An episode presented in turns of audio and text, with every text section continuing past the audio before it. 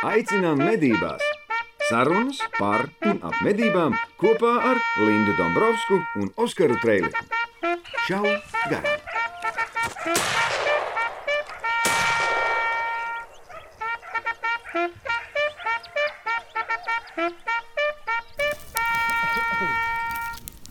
Simt deviņdesmit trīs plus viena, jā, 194. epizode. Darbie draugi, esam uzminiet, kur? Mēs- Ses- Sestajā stāvā. Mēs esam sastajā stāvā. Mēs pirms kāda laiciņa jau šeit bijām pie šī paša galda ar Walteru Lūsu, kurš medību daļas vadītājs valsts meža dienestā, bet šodien mēs esam ar jauno valsts meža dienesta ģenerāla direktoru Arvīdu Ozolu apsēdušies pie galda, lai parunātu par ļoti nopietnām lietām.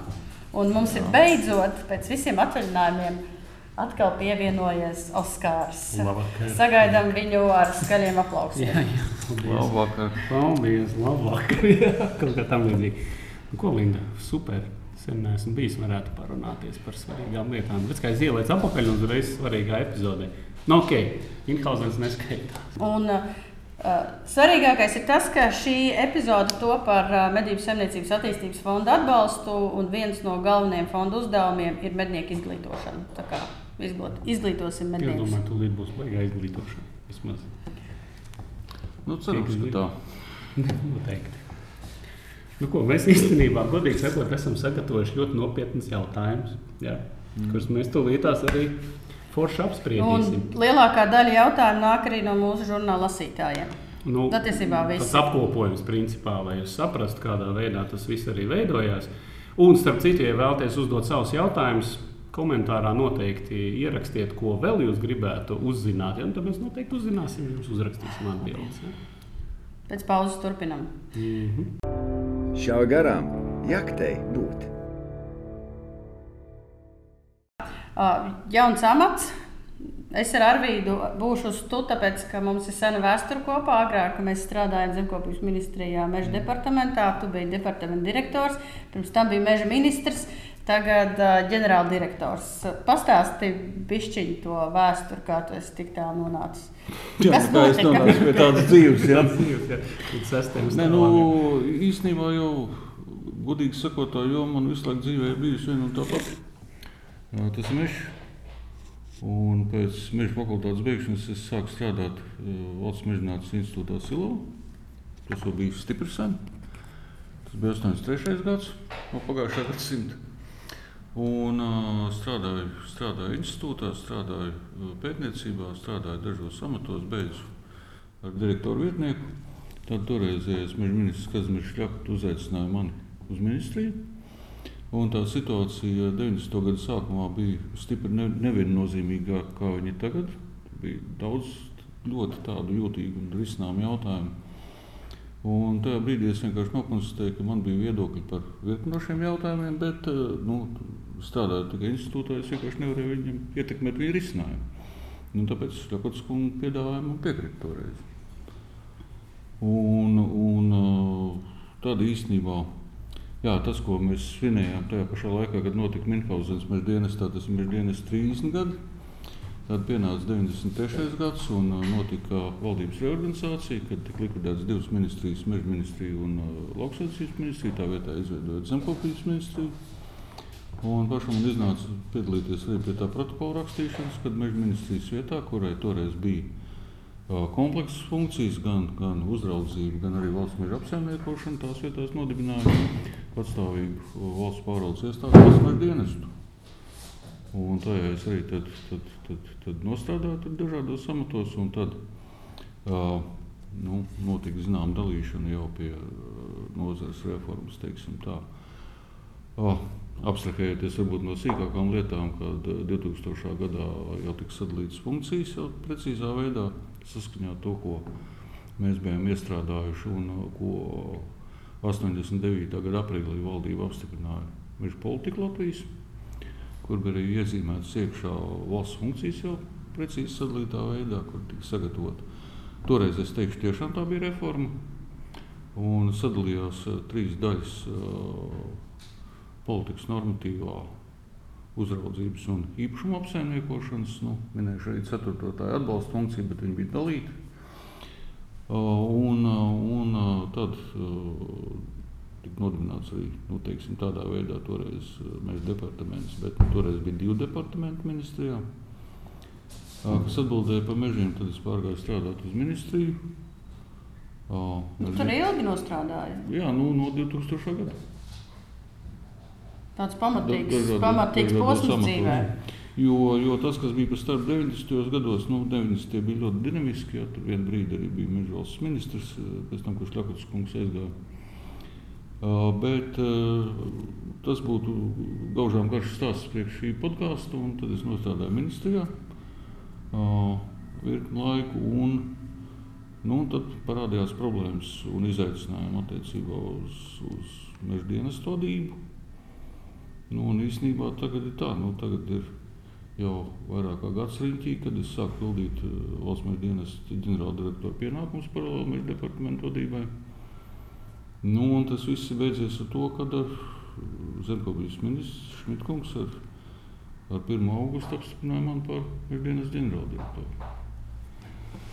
Tā kā nu, īstenībā tas process ir bijis ļoti interesants. Ir ļāvis paskatīties uz meža nozari, tā skaitā starptautiskā aspektā, no ļoti dažādiem skatu punktiem, kur, protams, varbūt medības ir ļoti būtisks un ļoti būtisks un varbūt tas būtiskākais podkāstu skatītājiem, bet nu, tā, tas ir viens no elementiem, ja, kas jāsalāgo ar visām pārējām lietām kopā. Un, un tad, kad es atnācu pagājušā gada augustā, tad man daži kolēģi prasīja, nu, kāda ir sajūta. Es pateicu, deja vu. Jo, jo, jo, jo principā līdz 2000 gadam mēs jau te šajā mājā vien nostrādājam.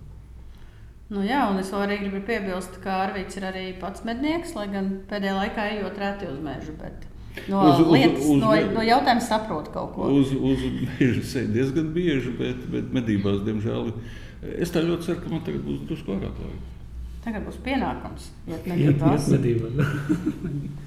Jā, tā, kā, tā, kā tā varbūt ir īsā vēsture bez lielām detaļām, kur, kur tur nu, dzīve vienmēr iet, iet pa spirāli. Nu, es, es godīgi teikšu, kamēr Osakas lasa pirmos jautājumus, kas ir saskaņoti. Es gribu teikt, ka ņemot vērā mans personīgais viedoklis, ņemot vērā to, ka, kāds bija pēdējie gadi valsts meža dienestam, es uh, uz tavu amatu, tevi tavā amatā šobrīd skatos pat diezgan optimistiski un pozitīvi. Nu, es varētu piebiedroties tikai ņemot vērā, kā bija iepriekš. Ja? Atļaušos nedaudz atgādināt, bet man liekas, ka tagad būs forši. Man, ne, man vismaz ir tā, tāds miers. Zini, tā kā, Ahmeds novēlēs no sirds. Man vismaz ir telefona arvīga tālruņa numurs. Jā, bet, bet, bet, bet, bet tu zini, ir, ir viens tāds, es atvainojos, drusku cinisks teiciens, ja tev liekas, ka viss ir baigi forši un tagad viss ir kārtībā, tas visdrīzāk nozīmē, ka tu kaut ko nezini. Jā, arī jā, fakts, jā. Arī fakts. Tieši tāpēc mums ir īpašie jautājumi. nu, jā, svarīgākais jau ir komunikācija. Nu, jā, nu, mūsu starpā tā komunikācija ir pietiekami laba, bet iepriekš tur bija problēmas. Oskar. Visa starpā ir pats galvenais ir komunikācija. Ja mēs nerunājam, tad nekas nenotiek. Tā, nu, nu, jā, nu, es arī es nokonstatēju no savas pieredzes, ka vismaz 80% problēma rodas no tā, ka cilvēki iedzīgi neizrunājas savā starpā. Tieši tā. Arī, ar, arī attiecībā uz nozari, uz medībām, lauksaimniecību, meža saimniecību, visu kopā. Ja, bet tas ir diezgan universāls princips. Nu, lūk, nu, lūk, mums ir pirmais jautājums. Kā jūs vērtējat valsts meža dienesta pašreizējo situāciju? Ja, tā ir spēja veikt savas funkcijas un materiālo nodrošinājumu, pozīcijas sabiedrībā kopumā. Nu, ļoti ietilpīgs jautājums, bet es gribētu teikt, tā, ka īstenībā valsts meža dienas ir spējīgs veikt savas funkcijas. Spējīgs veikt savas funkcijas pietiekoši labi. Nu, diezgan te jāatgādina, ka valsts meža dienestam jau nav tikai viena funkcija. Un uzdevumi tas ir nu, tas, ko visi vairāk pamana. Tas ir meža apsaimniekošanas normatīvu aktu uzraudzību. Tā ir lielākā daļa. Un, tā, ir, tā ir lielākā masa. Otra lieta, kas ir ļoti kritiska, kura ir pat tā. Tagad es varbūt būšu drusku nepopulārs. Kas ir īstenībā no sabiedrības varbūt, drošības viedokļa, pat gan arī pats svarīgākā tā ir meža ugunsapsardzība. Jo, jo tie riska līmeņi jau svārstās pa gadiem, ir bijuši ļoti degoši gadi, ir bijuši mēreni degoši gadi. Pavisam godīgi sakot, es biju diezgan stresēts šī gada sākumā. Nu, jā, vai baigais sausums, divus mēnešus. Un, bija un, un degamība bija tāda, ka nu, ka mēs, paldies Dievam, tikām veiksmīgi galā. Jo, ja mēs neņemam dažus lielākus, kas bija saistīti ar militārām mācībām, tad īstenībā tas vidējais ugunsgrēks ir maziņš. Un, ko tas nozīmē? Tas nozīmē gaužām vienkāršas lietas, kad viņš laikus ir ticis pamanīts un mūsu cilvēki ir ļoti operatīvi norēģējuši. Jo tur jau tiešā sakarība, jo ātrāk pamani, jo ātrāk aizbrauc, jo, jo tu tiec galā ar to nelēmu mazākā platībā un tā skādi mazāk. Un, un īstenībā tiesa gan no mūsu iekšējā riska izvērtējuma ir, ir tās ir mūsu informācijas sistēmas, meža valsts reģistrs, kur mēs attīstām, attīstām aizvien tālāk ar mērķi piedāvāt aizvien vairāk, aizvien vienkāršākus un ērtākus elektroniskus pakalpojumus. Jo sabiedrība visās jomās uz viņiem iet un, un aizvien vairāk izmanto. Ir, protams, cilvēkam ar to ir grūtības. Tur mēs domājam, kā viņiem palīdzēt, bet īstenībā tas mērķis ir tāds, ka maksimāli visu, ko cilvēkam, ieskaitot medniekam, vajag no valsts meža dienesta, viņš var iegūt attālināti. Un īstenībā, redziet, lēmē, nelēmē. Covid īstenībā pierādīja, ka to var izdarīt. Es tieši tā Virknē gribēju jaut, teikt. virknē jautājumu arī piespiedu to izdarīt. Ja? Tā ir daudz Tā kā, tā kā, tā kā, tā kā nu, IT sistēma attīstībai un izpratnē par viņu lomu viņš nostāda pozitīvi, Nu. lai arī visnotaļ tā bija uh, liela riska situācija un, un, un daudziem cilvēkiem arī ļoti nelemīga situācija. Bet uh, skatoties uz pozitīvo, tā ir tā joma, ko mēs gribam uz priekšu attīstīt. Bet, teiksim tā, ja mēs skatāmies no risku jomas, ja kaut kas aiziet greizi, tad tā ir riska joma numur viens. Līdz ar to mums tur jāiegulda arī drošībā un visās pārējās lietās. Nu, jā, tur notiek datu apstrāde un informācija, bet es arī Jo, novērtēju. jo, nu, es jā. novērtēju, piemēram, šobrīd nokārtot atļauju ārvalstu medniekam ir vieglāk pa vieglu. Nu, labi, mēs nerunāsim par tām summām, kas pilnīgi ne? nepamatoti paceltas ir. Bet, bet daudz, daudz, daudz lietas ļoti vienkārši tagad tajā meža, meža reģistrā izdarīt. Nu jā, un, un, jo, jo bieži vien arī varbūt beigās mēs pieskarsimies pie tās pašas mēģinājuma jautājuma un tam līdzīgi. Jo, redziet, uh, ir cilvēki pieraduši tagad lielāko daļu visu atrisināt telefonā, ja, nu, vai, vai datorā mājā, ja, vai kaut kā citādi. Uh, bet, uh, un tā liekas, ka viss jau tur arī notiek. Īstenībā tur praktiski nenotiek nekas. Tā ir, tā ir, tā ir lietotāja saskarsmes sistēma. Bet tā uh, pamatsistēma, uz kas ir valsts dienas darbības mugurkauls, izņemot cilvēkus, ja, tā ir mūsu informācijas sistēma mežvalsts reģistrs. Un mežvalsts reģistrs, un uh, viņam ir uh, kopš arī tagad viņš balstās tīri uz ģeotopiskās informācijas datiem, vai VMD gisu. Uh, viņš uh, attīstās un dod mums aizvien jaunas iespējas. Ja? Līdz ar to tā, tā tā, teiksim, mūsu prioritāte arī uh, klientu apkalpošanā. Ja? Nu, protams, ņemot vērā to, ka 100% klientu varbūt uh, nu, dažādu iemeslu dēļ to nevarēs izdarīt. Ja? Bet, bet jebkurā gadījumā viss, kas notiek, uh, tiek reģistrēts tur. Ir arī jautājums teiksim, par, par saimā pašlaik procesā esošo valsts meža dienas likuma grozījumu, kura viena no galvenajiem mērķiem ir panākt to, līdzīgi kā tas ir valsts ieņēmuma dienas, un līdzīgi tas ir kā Ladam, lai arī meža valsts reģistrā pieņemtu lēmumu, iegūt dokumentu statusu pilnvērtību. Tas Jo- tā kā vidam ir EDS. Jā, tā kā vidam ir EDS un, un, un, un Ladam ir tā sistēma, bet viņiem katrā iestādē likumā ir speciāla atruna, ka šajā doku, eh, elektroniskajā sistēmā veidotie dokumenti ir derīgi arī bez atribūtu paraksta. Jo, jo citādi dokumentu spēkā esamības likums pasaka, ka viņš tomēr ir jāparaksta. Kaut gan arī šeit jau visas lietas, ko teiksim, ko es parakstu DVS, viss tāpat iet ar e-parakstu. Ja? Bet arī, lai, lai, lai šīs lietas būtu vispār pielietojamas, ja, teiksim, nu, tā ir viena lieta, kas tīri no normatīvās puses, ko mēs strādājam pie papildināšanas. Es domāju, ka saimiņi atbalstīs. Tur būtu diskusijas par kādiem citiem jautājumiem. Nu, tur ir par dažiem jautājumiem diskusijas. Jā, bet, bet, bet attiecībā par, par, par šo, jo nu, tī- tīri horizontāla regulējuma valstī pašlaik par to nav. Un līdz ar to tāpēc viņi ir iekšā atsevišķu iestāžu speciālajos likumos. Un, un, un tā bija diskusija arī Saimā Pauslī, kur bija arī viedokļi, priekš kam vispār tāds likums mm. vajadzīgs. un Šis bija viens no būtiskiem argumentiem, kāpēc viņš tomēr ir vajadzīgs. Tā kā un attiecībā redz, par tehnisko nodrošinājumu jāsaka, ka valsts meža dienas pašlaik, ja es salīdzinu, teiksim, nu, tā kā Kreislinkungs sāk savu pirmo optimizācijas vingrinājumu. Ja. Tad, tad īstenībā viņš, es gribētu teikt, ir uzlabojies pa kārtu. Ja, ieskaitot visas šīs attālinātās iespējas. Jo es atceros, nu, kaut kad 11. un 12. gadā bija liela sanāksme pie Dārgopils. Tad bija, bija arī meža dienas cilvēki sanākuši.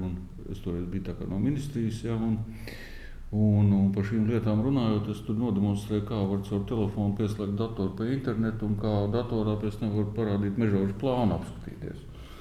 Un tad es teicu, ka visiem būs dators, visiem būs GPS un visiem būs dienesta mašīna. Tad no zāles uz mani skatījās un teica, nu viņš gan flētē. Ja?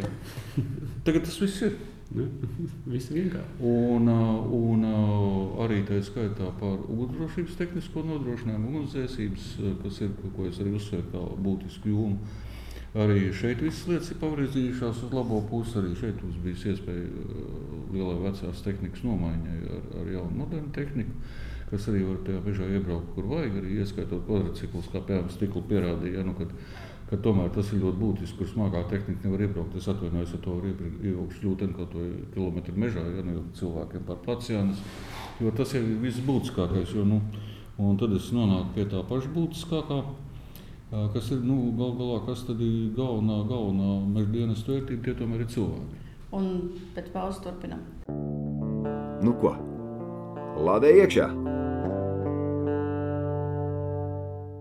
Turpinot runāt, minēja par to, ka cilvēki ir visbūtiskākais valsts meža dienestā. Jā, jo, jo, jo cilvēki, kas ir speciālisti, kas strādā dažādos līmeņos, ar dažādiem pienākumiem, īstenībā jau tas jau ir tas meža dienests, kas rada to, to vērtību. Jā. Un tas, ko es runāju iepriekš, ir ārkārtīgi būtiski. Gan tehniskais nodrošinājums, gan citas lietas, jā, bet cik sekmīgi strādās dienas, tas, nu, tas atkarīgs no tā, cik sekmīgi strādā katrs no mums, sākot no meža ziņas, beidzot ar ģenerāldirektoru. Nu, iepriekšējās vadības laikā bija drāma saistībā ar to, ka jāievieš ir jauna reforma, ko sāka, tad apturēja. Kā tu skaties šobrīd uz to, kas ir nepieciešams? Redzi, bija ideja arī par to, ka inspektoru skaits jāpalielina, medību inspektoru skaits līdz desmit un tā tālāk. Kā tu, kā nu, jā, no, par, par medību inspektoriem arī savu viedokli paudu savā laikā valsts kontroli un tam līdzīgi, bet es varbūt paņemšu to lietu kopumā. Ja? Jā. Jo, jo, jo ir tā, nu, varbūt atkal nu, drusku nekorekts salīdzinājums, bet tomēr es domāju, pietiekoši. Uh, kas tad ir tas valsts dienas universālais karjeras? Tas ir mežģīns. Un, uh, viņš ir tas, kas, kas strādā mežā, kas strādā ar informācijas sistēmām, kuram uh, nāk attiecīgā lēmuma pieņemšana, kaut vai par to pašu ciršanas apliecinājumu un vispārējo. Un, un tā būtiskākā lieta ir tāda, ka nu, dienas, godīgi sakot, noveco. Jā, tu domā darbinieku, ja? Jā, darbinieku noveco. Nu, dienestam gan kāds gadījums nav klāts kā tādam, bet, bet, bet, bet darbinieku noveco. Ja? Un ir, ir, ir liels izaicinājums arī jaunu kadru piesaistīt, kaut vai tur, kur cilvēki aiziet pensijā. Un, uh, tas ir saistīts ar virkni lietām, bet uh, nu, neslēpsim, jau algu jautājums ir ļoti būtisks. Nu, es gribēju teikt, jā, ka tas ir jautājums, vai lai cilvēki nāktu jauni speciālisti uz valsts meža dienestu, vai tas samats ir konkurētspējīgs. Un, un, un līdz ar to mēs nonākam pie citām lietām, nu, ka valsts budžets jebkurā gadījumā nav gumijs. Un, un, nu, kā es saku, galvenais politiskais lēmums īstenībā ir budžeta sadalījuma, budžeta apstiprināšana. Ja? Nu, kam tu dod naudu, kam tu nedod naudu. Un uh, valsts meža dienests uh, ir spējis uh, piesaistīt iepriekšējā gadā kādus papildus līdzekļus budžetā. Bet uh, tas īstenībā nu, tas ir tas mūsu maciņš, kurš tad jāsadala to vajadzību nosakšanai. Ja? Un tās ir dažādas vajadzības. Nu, bet tas, tas galvenais ir, ir, ir uh, darbinieku atalgojums. Un te ir īstenībā daži vienkārši principi, kas līdz šim varbūt kaut kā nav veicies viņus ieviest. Tas ir nu, kaut kā, teiksim, vienam amatu kategorijai, teiksim, mežģīņiem, nu, tā ir valsts pārvaldē sarežģīta schēma, kādā veidā tur klasificē tos amatus un tam līdzīgi. Un tad ir algu, algu diapazona, kurā to var staigāt. Ja? Bet tas maciņš jau nav gumijs. Ja? Un līdz ar to mums ir, ko mēs pašlaik strādājam. Ja? Nu, pēc kāda laika varbūt varēs redzēt, prezentēt kādu starp rezultātu. Ir pirmais ir tas, ka uh, tomēr izlīdzināt šīs slodzes, jo tas, ko mēs nokonstatējām, ka nu, mežģīņiem tā, nu, teiksim, tā maksā visiem vienādi alga, bet tās slodzes nu, pēc objektīviem parametriem sarežģīt, nu, viņas stipri atšķirās. Ja. Un, un, un būt, nebūtu nelēma, ka tie būtu kaut kādi procenti vai, vai desmit procenti, ja, bet nu, viņas vietām bija reizes. Ja. Un, un tas, ko mēs tagad darām, ir uh, nu, dažādi saki, ja, bet uh, es gribētu teikt, ka īstenībā šī nav uh, pati reforma. Ja. Tas būtu pārāk skaļi teikts, no nu, arī formāli likumā nodefinēts, kas ir reforma. 2000. gadā tad tiešām bija būtiska reforma. Bet tas, kas mums ir jāoptimizē, izanalizējot cauri tīri ar skaitļiem, ja? kā mums sadalās šīs slodzes, lai teiksim, šīs mežģīņa apgaitas būtu savietojams, kādā veidā mums sadalās mežniecības, vēlams viņus salāgot ar, ar novadiem, kur tomēr ir visas civilās aizsardzības funkcijas, visas pārējās lietas. Un tādā veidā mēs ejam cauri pašlaik sākot no apakšas uz augšu. Ja?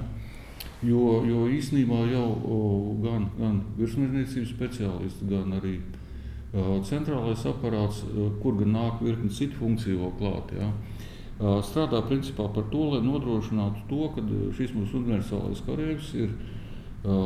Viņš saņem pietiekošu apmācību, viņš saņem normālu tehnisko atbalstu, kas ir nepieciešams darba veikšanai.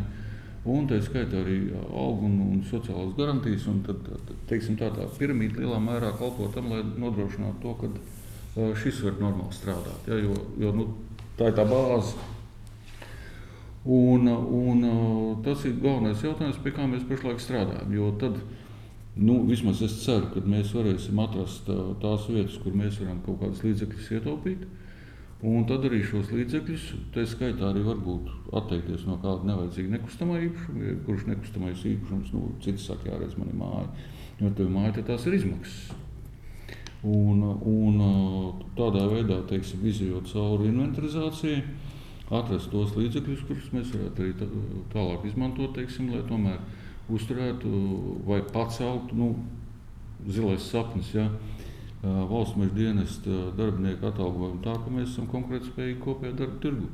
Jo, mm. jo speciālists jau ir, valsts meža fakultāte arī viss izlaiž, bet nu, nelielākā daļa viņi izvēlās nākt strādāt uz valsts meža dienestu. Jo, jo bieži komentāros parādās kritika no medniekiem. Es jau par medniekiem mm. runāju, mazāk par meža saimniekiem, kā mm. agrāk bija Uh, apgaitas mežziņiem maziņas, un viņi tur zināja visu mežā. Tagad tās apgaitas ir milzīgas, ko viņi zina, ko viņi saprot, kā viņi to visu var izkontrolēt. Redziet, te es pateikšu vienu lietu, no kurienes ir sācies uh, vārds apgaita. Apgaita ir tā, ko varēja apsteigāt ar kājām. Nu, jā, tieši tā. Apgaita ir tā, ko varēja apsteigāt ar kājām. Ar, ar papīra karti mapītē. Mm un, un, un ar lielām kantorgrāmatām mežniecībā. Tagad viņiem ja? ir auto. Ja? Tagad viņiem ir auto, tagad viņiem ir datori, tagad viņiem ir GPS. Tā kā visādā ziņā, uh, jebkurā gadījumā, nu, te mēs runājam par kvalitatīvu jaunu situāciju. Un, uh, līdz ar to uh, arī uh, tā informācija par, par, par mežu un visas pārējās lietas ir pieejama online. Ja? Un, un tā, tā ideja tāda arī turpināt, turpināt strādāt ar šo, lai arī tagad jau ir jauns paudzes programmējumi, GPS un viss pārējais, bet to lietu tālāk attīstīt. Bet loģiski, ka šīs jaunās iespējas nu, prasa tomēr viņas arī pilnībā izmantot. Ja? Un, un, un, ja mēs sadalīsim par to tādiem gabaliņiem un pieliksim pa mirziņam katram gabaliņam, ko var apsteigāt ar kājām, es atvainojos, tur minimāla alga nesanāk. Ne, nu, bet, nu, tā, tā, ne, nu, tā loģiski sanāk, jā, tu patiesībā ļoti labi izskaidroji. Tu man jautājums vienkārši pārdomām, pirms Oskars ķerās klāt jautājumam par medību likumu. Mans, mans pārdoms par to, bet meža nozare Latvijā ienes arī visvairāk nodokļus, un tas ir mūsu lielākais resurs. Kur ir problēma valsts meža dienestam dabūt naudu? Nē, nu redziet, valsts meža dienas jau tomēr ir valsts pārvaldes iestāde, viņi ir kopējā budžeta plānošanas procesā. Ja? Mm. Un kā, kā jau es teicu, ja, nu, tas tomēr eh, politiskais lēmums ir tāds, un, un, un mēs zinām, ka doktori grib streikot, un, un skolotājiem ir, ir, ir grūti. Un, un, un, Un, un, un, un ar, ar policijā esot problēmas ar kadriem, un, un ja mēs runājam ar Vugudu, jā, teiksim, nu, kas ir mūsu lielais sadarbības partners. Jā. Nu, es gribu uzteikt arī valsts ugunsdzēsības glābšanas dienas, nu, kad nu, tiešām tā sadarbība bija ļoti laba. Ja, mēs tur pat domājam par, par kopīgiem projektiem un, un tādām lietām. Ja, nu, bet, nu, Cik es atceros, nu, es atvainojos, es ceru, ka viņš man piedos Zitānu kungs, nu, ka mēs viņu runājam, nu, viņš teica, ka nu, nevarētu divus nabagus salikt kopā un cerēt, ka tas bagātais sanāks.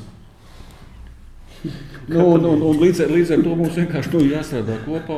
Arī šeit ir viens projekts, ja, kuram ir pat atradies ES finansējums, ja, kur mēs kopā paskatīsimies, kā to sistēmu varētu tālāk arī uzlabot, varbūt izdarīt kaut ko efektīvāku. Uh, potenciāls ir, ja? Nē, nu, potenciāls ir kurā gadījumā ir vienkārši, nu, redzi, te jau jautājums ir tāds, vai, vai, tu, vai tu gribi attīstīties vai negribi. Nu, un, Un, un, ja tu gribi attīstīties, vienmēr var atrast kādas idejas, meklēt draugus, ienaidnieku paši tev atradīs. Jau, līdz ar to mēs kopā ar draugiem domājam, kādā veidā tās lietas attīstīt uz priekšu. Nu, un starp to draugu loku es arī gribu iesaistīt medniekus, ieskaitīt medniekus un viņu organizācijas. Un, un tas, ka reizēm par dažādām lietām ir dažādi viedokļi, tas ir tikai normāli. Jo, ja tie viedokļi būs vienādi, tad attīstība apstāsies. Nu, tieši tā. Nu ko, pārlādējam! Mēs lēnām piegājām arī pie medniekiem. Pa mežu, jā. pa mežu, pa mežu tik runājam, bet principā, ja, nu, bet, cik tā mazā. Mednieki pa lielam dzīvo mežā. Nu, tas ir neatņemama sastāvdaļa, lai, lai kāds arī nebūtu. Ne, nu, ir arī visādi dīvaini mednieki, bet, bet par tiem mēs nerunāsim. Nu, lūk, tad, tad par medībām parunājot, kāda ir tā, kā jūs vērtējat šo situāciju medību saimniecībā? Jau medījumu dzīvnieku populācijas apsaimniekošanā. Tā pa sugām varam jā, izieties cauri. Ja mēs, tieši tā, un tāpēc es atvainojos, ka man te ir daži papīri priekšā, jo vienkārši nu, es visus ciparus no galvas neatceros. Ne, Varbūt Valters atcerās, bet, bet, bet, bet, bet, bet, bet man ir vēl citi cipari, ko atcerēties, bet to iziesim cauri. Bet, Uh, īsnībā es gribētu teikt, ka tā situācija medību saimniecībā, lai arī cik kaislīgas diskusijas būtu, tomēr ir stabila. Un es to atļaušos noraksturot ar vairākām lietām. Pirmkārt, mums nav krīzes situācija ar medījumu dzīvnieku populācijām, izņemot meža cūkām. Ja, par to mēs parunāsim. Pie tā mēs jau esam pieraduši. pieraduši jā, jā. Jā. Un, un, teiksim tā, ja mēs runājam, otrs karstais kartupēlis tie ir postīgi. postīgi ja? Gan mežsaimniecībā, gan lauksaimniecībā. Līdz ar to arī tas pamata diskusiju un darba virziens. Ja, gan man strādājot ministrijā, gan tagad strādājot meža dienestā, turpinot sadarboties teikt, ar visiem sadarbības partneriem. Par to es arī vēl drusku pastāstīšu par to procesu. Ir īstenībā meklēt uh, adekvātākos un efektīvākos risinājumus, kā divas šīs lietas, nu, teiksim tā, minimizēt ACM ar zilo sapni, ka mēs viņu varētu dabūt kaut kur ārā. Bet skatoties par plecu, ka mums ir kaimiņi, kurus mēs nekontrolējam. Ja? Mm. Un otra lieta ir attiecībā par populāciju blīvumiem, kas ir saistībā ar stalbriedi un saistībā ar alni, kas ir viens ir lielākais meža postītājs, otrs posts gan vienu, gan otru, ja, nu, ja mēs runājam par stalbriedi, ja, jo alnas tā kā nu, plavība neēd pamatā.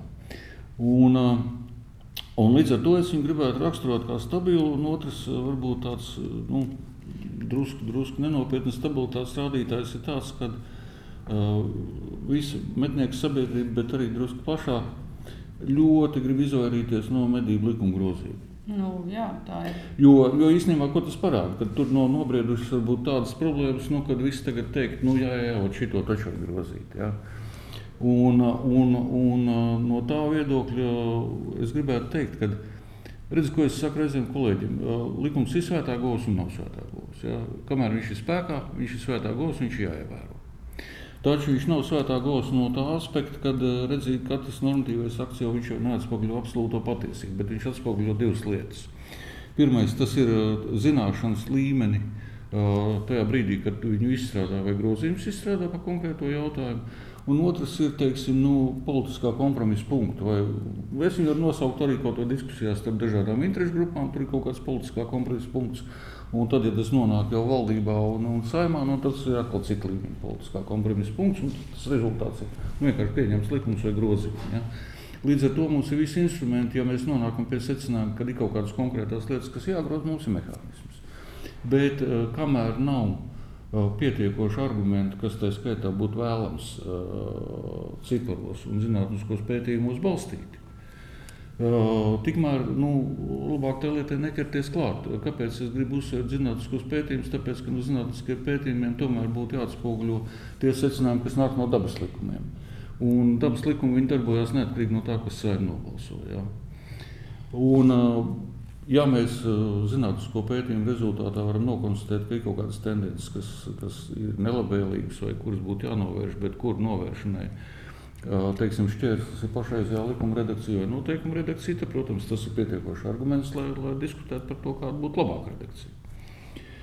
Un, ja mēs aizējām pa populācijām, ja, es iziešu cauri pa pamatu sugām, man ir daži cipari priekšā. Nu, būs interesanti.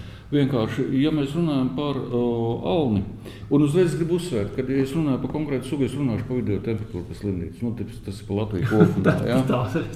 Nē, kā, kāpēc? Nu, jo vienkārši ir, ir, ir vietas, kur, kur teiksim, tā, tā populācija ir zemākā līmenī, vietas, kur ir karstais kartupels, tāpēc, ka dzīvnieku blīvums ir augsts un, un ir parādās postījumi un viss cits. Jā, jā, bet pirms tu pievērsies tieši tām populācijām, es gribēju piebilst, ka uh, Jautājums ir par to, ka tu saki, ka situācija ir stabila. Bet tad, kad mēs runājam ar Stepaniku Gunti un uh, Juru Lazdiņu, uh, mūsu vienā no epizodēm, un es runāju arī ar Jānu Baumanu, vienā no epizodēm arī tieši par šo tēmu. Mēs pārējām Jā, bet, pie bet, otra. Bet, bet, Tur tās emocijas ir, man liekas, lielākas. Jā, bet, tā, bet tāpēc es teicu, ka ir karstais kartupēlis. Bet sanāk, ka vienkārši tas karstais kartupelis ir daudzas lokālas vai daž, nu, dažas lokālas vietas Viņas ir pietiekoši daudzas lokālas vietas, ja, kuras ir problēmas situācijas, kas paceļ šo diskusiju, kas ir absolūti pamatot un leģitīma, jo tās problēmas tiešām ir.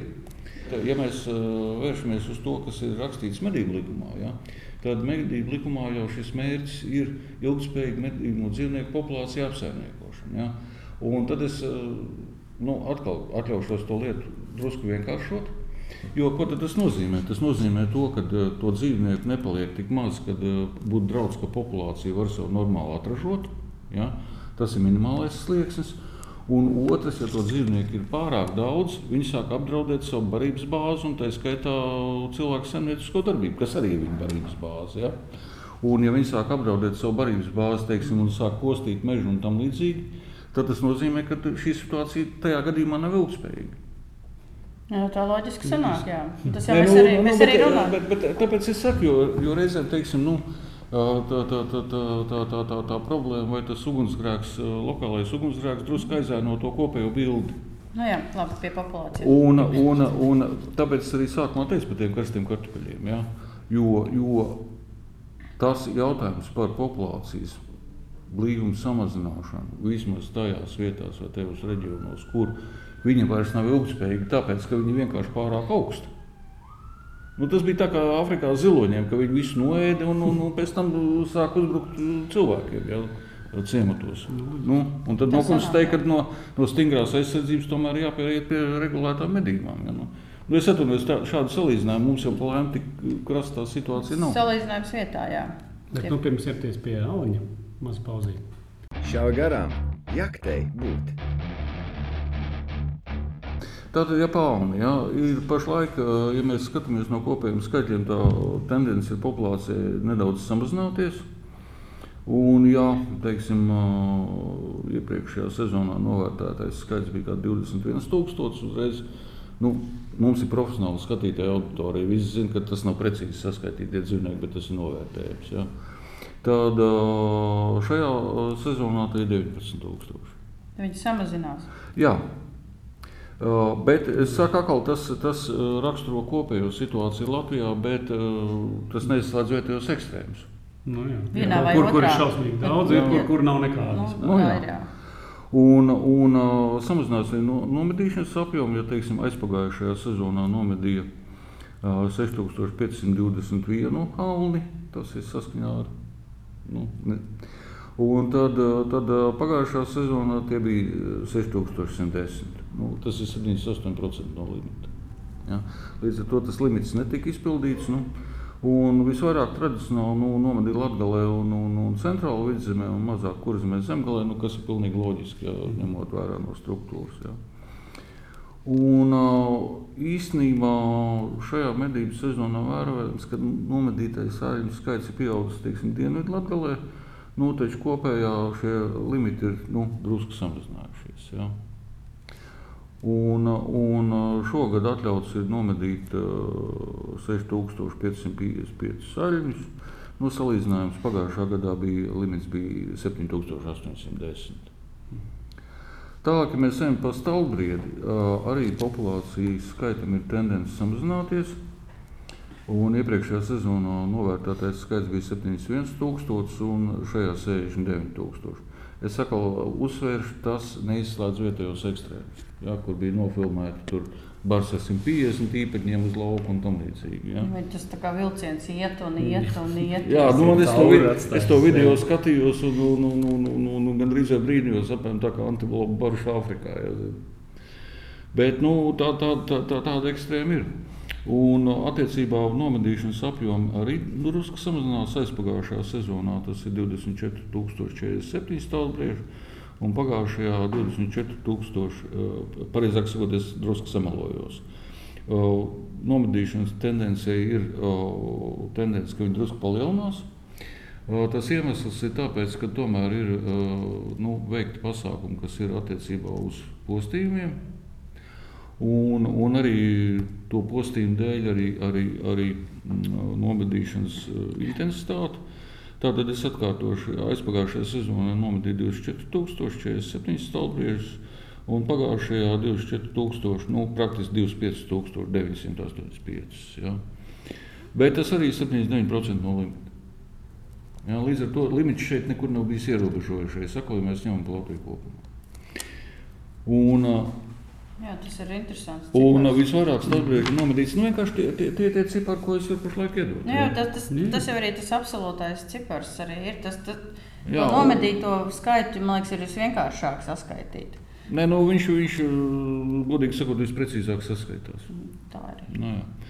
Un es vairāk nomedīju zemgālē un kurzemē, un mazāk latgalē, bet nu, tas loģiski, ka tie populācija blīvumi ir dažādi. Jā. Un uh, tagad, teiksim, uh, nu, limits ir pieaudzis zemgālē, ja, kur stāvbriežu skaits savukārt samazinās.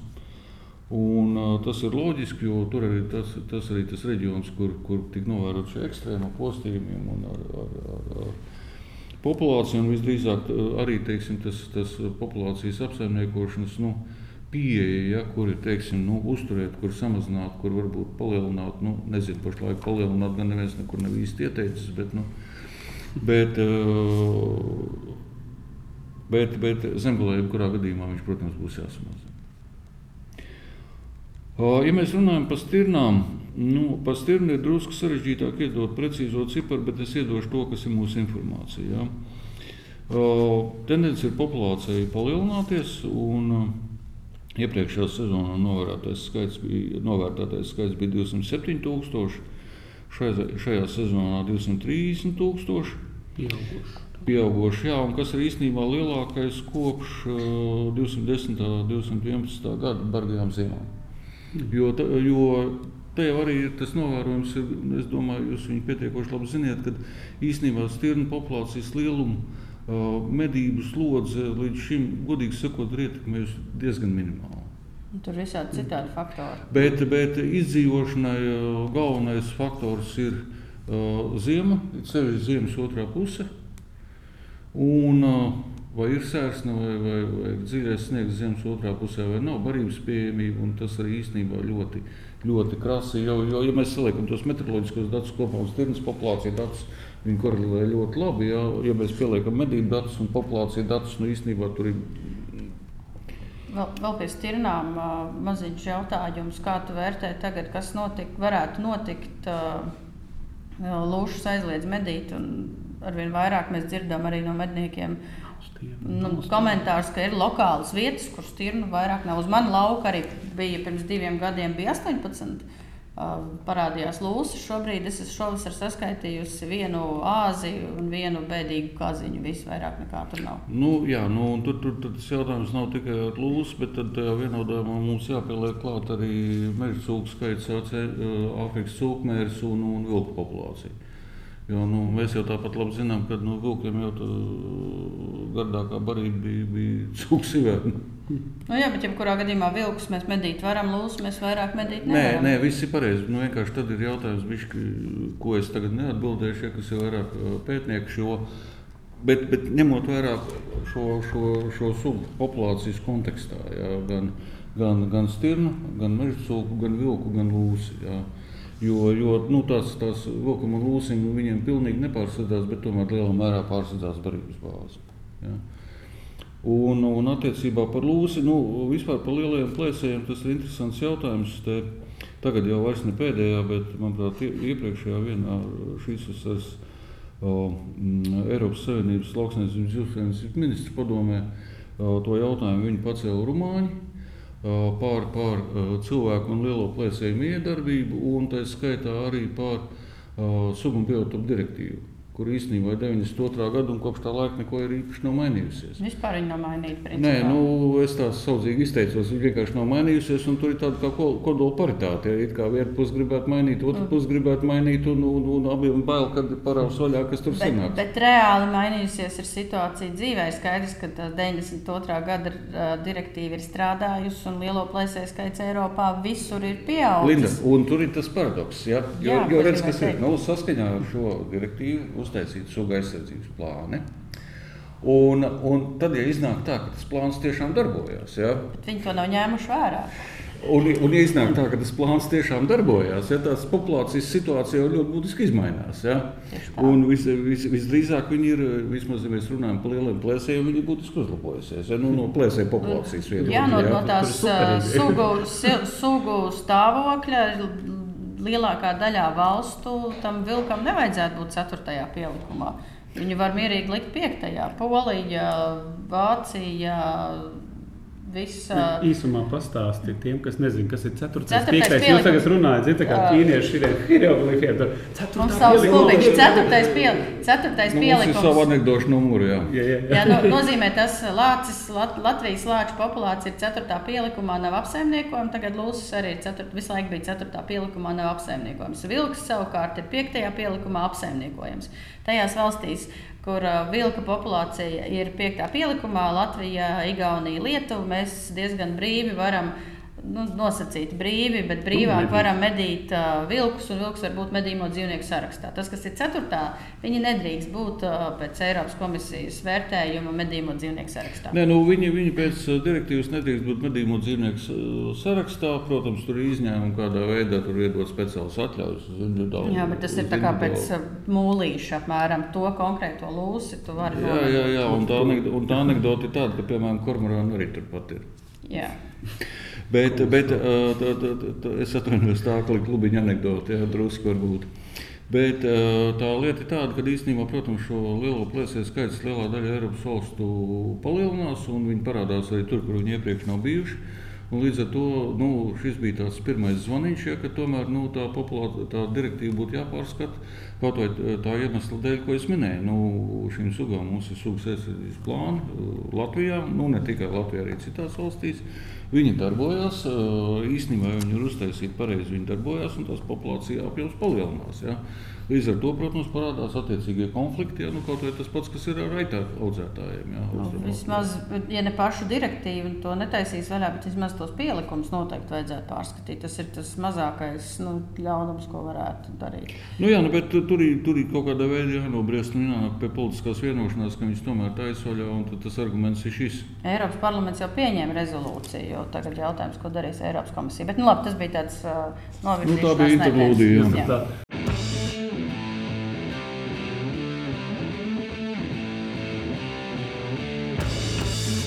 laikas, tās pašas laikas, ko mēs labi zinām, kas ir kā skrien un zem. Ir dažas lietas, ko nevajadzētu sabojāt. Tas ir um, novārīt un turēt gaisā, kad viņš apdeg.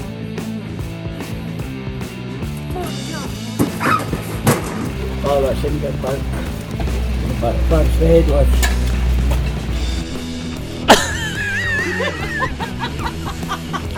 Jūs korģējat savu trāpījumu uz augšu, uz leju. Noslēgums rezumējam būs svētdienē. Ir gadījumi, jā. Tad vēl pabeidzot par stirnām pēc, pēc lieliem plēsējiem. Ja? Mm -hmm. Īsnībā um, Bija baži, nu, tagad uztaisīs viņas, un tā skaitā arī cūks, bet cūks ir cits stāsts par nelimitētiem, kas tagad notiks. Ja? Nu, pēc valsts dienesta informācijas nu, nekas īpaši nav noticis. Ja? Tā kā Kā tas es teicu, bija, nu- īstenībā. Visi pat uztraucās, kas tam Nu, jā, un, izšaus, un, un, un, un tas, kas ir teiksim, uh, attiecībā par mūsu informāciju, ja, tad aizpagājušā medību sezonā nomedīja uh, no tiem 207 tūkstošiem 35 tūkstošus. Nu, nesaukšu to ciparu līdz galam. Ja. Uh, Līmeni parāda, un uh, pagājušā sezonā uh, VMD saņēma informāciju par 27,5 tūkstošiem stirnu nomedīšanu. Godīgi sakot, nevar apgalvot, ka viņi ir absolūti precīzi, bet es domāju, ka viņi ir ļoti tuvu. Jo, jo, jo mednieki tomēr pamatā ir pietiekoši disciplinēti un tos pārskatus iedod. Ir sevišķi, nu, kāda problēma iedot, uh, es atvainojos, vienīgi personīgas slinkums lietas pārskatu par nelimitēto dzīvnieku nomedīšanu. Man, ja. liekas, bet man, man jau liekas, tāpatās par tām stirnām atbildīgai personai mednieki tāpat ziņo. Tāpat tās jau ziņoja. Nē, nu, tā, nē, nu, tāpat tās ziņo, un, un teiksim tā, nu, vienkārši es, es, es neredzu problēmu, kāpēc lai tur būtu kaut kāda motivācija to nedarīt. Ja? Nu, izņemot personīgo slinkumu. Ja? Bet, nu, tas personīgais slinkums noved pie normatīvu aktu pārkāpuma ja, tajā gadījumā. Nu, varbūt tur ir kaut kāda, tur kaut kāda daļa no tā personīgā Nē, slinkuma, bet tāpat tās Bet, bet, bet, bet, bet, bet, bet redzi, tā, tā, tā tendence jau principā bija tā latiņa jau apmēram tajā pašā līmenī. Nu, tā ir labi. Un meža cūks. Un par meža cūkām ir tā, ka īstenībā pēdējos gados uh, tas cipars stāv uz vietas, kas īstenībā nav labi. Jā. Tas ir novērtēts apmēram 26,000. Ja? Un, tomēr, ņemot vērā to Āfrikas sūkmēri, ja? tā, tā, tā situācija galīgi nav laba. Un ir vairāk, un vairāk iemeslu dēļ, redz, kas ir. Nu, viņš jau nāk kā vilnis. Ja? Kaut kur kaut ko nošāva, vairāk nomira. Populācija samazinājās. Neizbēgami pie kaut kāda populācijas zema līmeņa. Tie cilvēki bariņi vairs nekontaktējās, līdz ar to viņi neinficējās. Ja nu, viņi tur teiksim, trīs vai sešus mēnešus nav kontaktējušies, tad loģiski, ka tur tā vīrusu nav. Kamēr viņi atkal nesastopas kaimiņus slimos. Nē, nu, tā ir. Tā ir, jā. Vienkārši valodā sakot, un, uh, un pašlaik īstenībā izskatās tā, ka no austrumiem nāk orkais vilnis. Man liekas, jau trešais vai ceturtais. Nu, atvainojos, ja nebūšu precīzi, bet nu, tie viļņi tur tādi viņi ir. Un, un, un līdz ar to pašlaik īstenībā notiek diskusija, jo vienkārši atgādināšu, kas ir aizmirsts, kad uh, 90. gadu sākumā bija augsts letāls klasiskais cūkmērs Latvijā. Un tad meža cūku skaits nogāja līdz kaut kādiem 10, 12 tūkstošiem. Ja, kad teica, nu, cūku mežā vairs nevar atrast. Tā labā lieta no tās situācijas bija tāda, ka tāds cipars tomēr ir absolūti pietiekams, lai populācija normāli izdzīvotu. Bet otrs ir tas, ka tas, tā, tas blīvums bija tik zems, ka viņš vairs nekontaktējās. un Tas klasiskais, toreiz nebija klasiskam cūkmērim vakcīnu uzreiz atgādāt. Tagad viņi ir.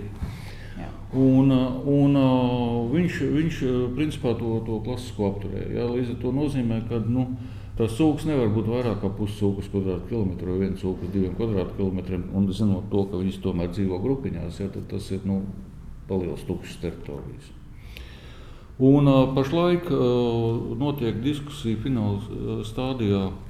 Zemkojas ministrijai piedaloties uh, veterināram pār- pārtikas depart, nu, departamentam no ministrijas, pārtikas veterināram dienestam, arī meža dienestam par diviem dokumentiem, kas varbūt nu, klausītājiem nav zināmi. Pirmais ir, kad Eiropas komisija pieņems lēmumu, ka visām dalībvalstīm jāizstrādā līdz uh, šī gada rudenes beigām uh, rīcības plāni. uh, Jā, par to mēs. Afrikas Mēs par to esam runājuši. Par to jau esmu runājis. Ja, Jā. paldies, es tur daudz neiedziļinos. Vienkārši pašlaik tā situācija ir tāda, ka pašlaik gala, gala malrakstā ir ko visdrīzāk iepazīstinās vadību jau un, un ministru uh, ar apstiprināšanu Āfrikas cūkmēra stratēģiju. Ja, tas ir, es pieņemu, ka pat nākošās nedēļas jautājums, ja, kas ir tāds vispārējais dokuments, saskaņā ar kur tad izstrādās šo rīcības plānu. Bet no, tur ir, jā, tas mērķis ir ļoti ambiciozs, jo, jo principā tas jaunais piedāvājums ir, ka tās blīvums varētu būt, nu, rupi sakot, 0,15 cūkus uz kvadrātkilometru. Nu, zemāks vēl kā tas, jā.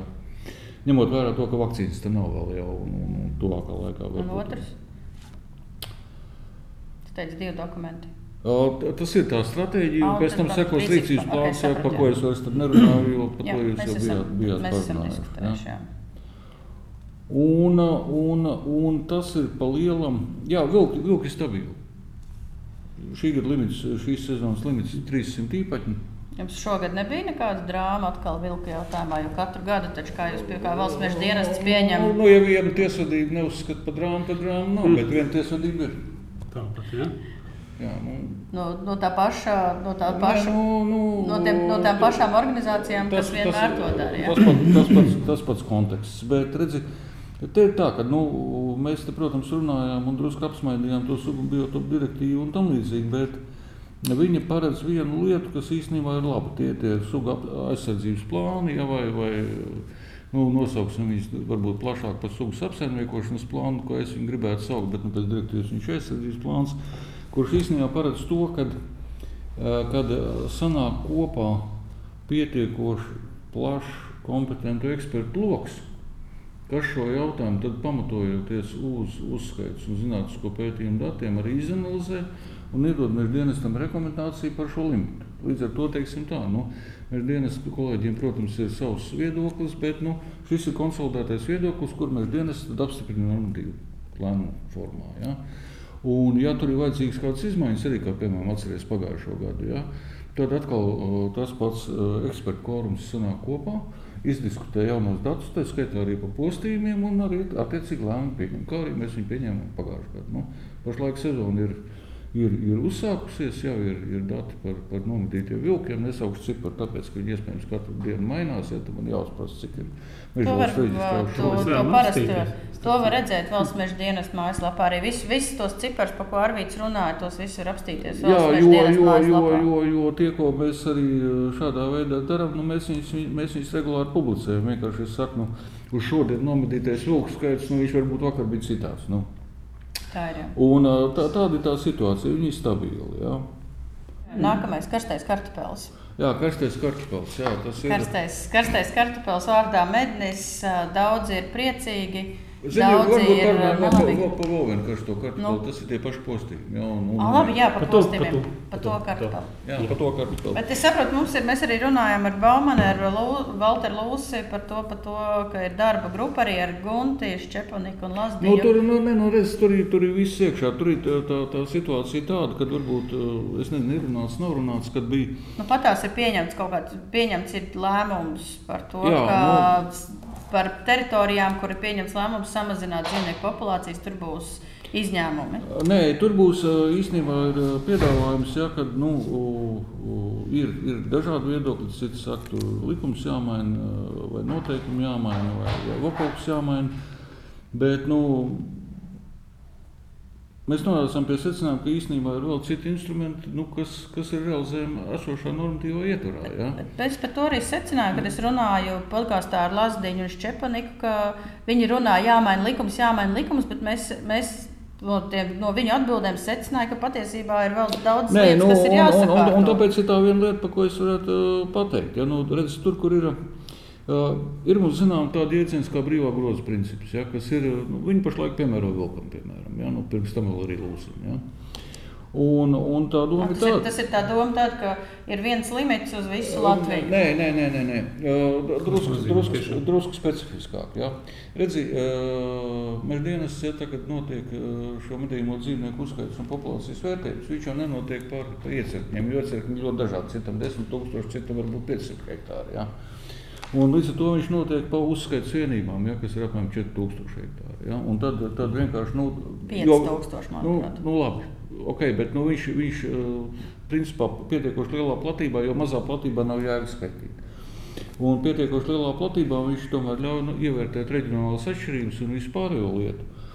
Un tad to limitu, ja, vienu daļu, lielāko daļu sadala tā, kā viņu līdz šim.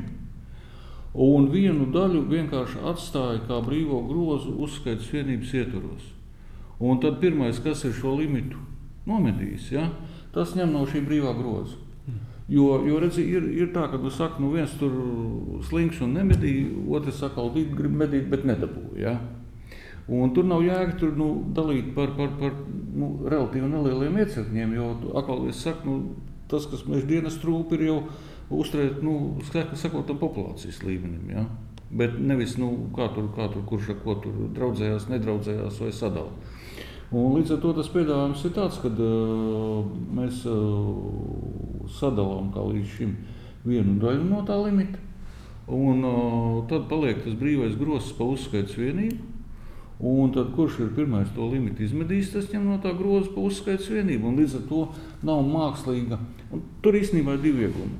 Uh, nav mākslīga šķēršļa uh, medīt tam, kurš grib un kur teritorijā ir medīt, ko medīt. Jā. Un otra lieta, viņš daļēji noņem no, es atvainojos, reketa instrumentu. Nu, Uh, Tas tu domā tā kā lielo klubu reketa instrumentu? Uh, es pat nespecificēšu, kuru, bet redz, nu, ir šie sadarbības līgumi. Ja? Nu, un, un, un kāds grib tur pievienoties klubiņam, un viņam saka, ot, ja tu darīsi tā, tad mēs te klubiņā ņemsim. Ja? Un, un tajā klubiņā jau var būt ne tikai viens lielais klubs, kas ir sadarbības līgumā, bet varbūt vairāk. Ja? Un, ja tu nedarīsi tā, tad mēs tev klubiņā neņemsim. Ja? Uh, šis uh, risinājums ļauj, ļauj to, to, to vienkārši noņemt no nu, tad, tad, ja, ja nav tā, tā instrumenta, tad nu, vienkārši nu, tad visiem jāpiesēžās pie galda un jānorunā, kā kopā medīs. Tas arī būtu tas, kā jau mēs teicām, sākumā komunikācija. Nē, nu tieši tā.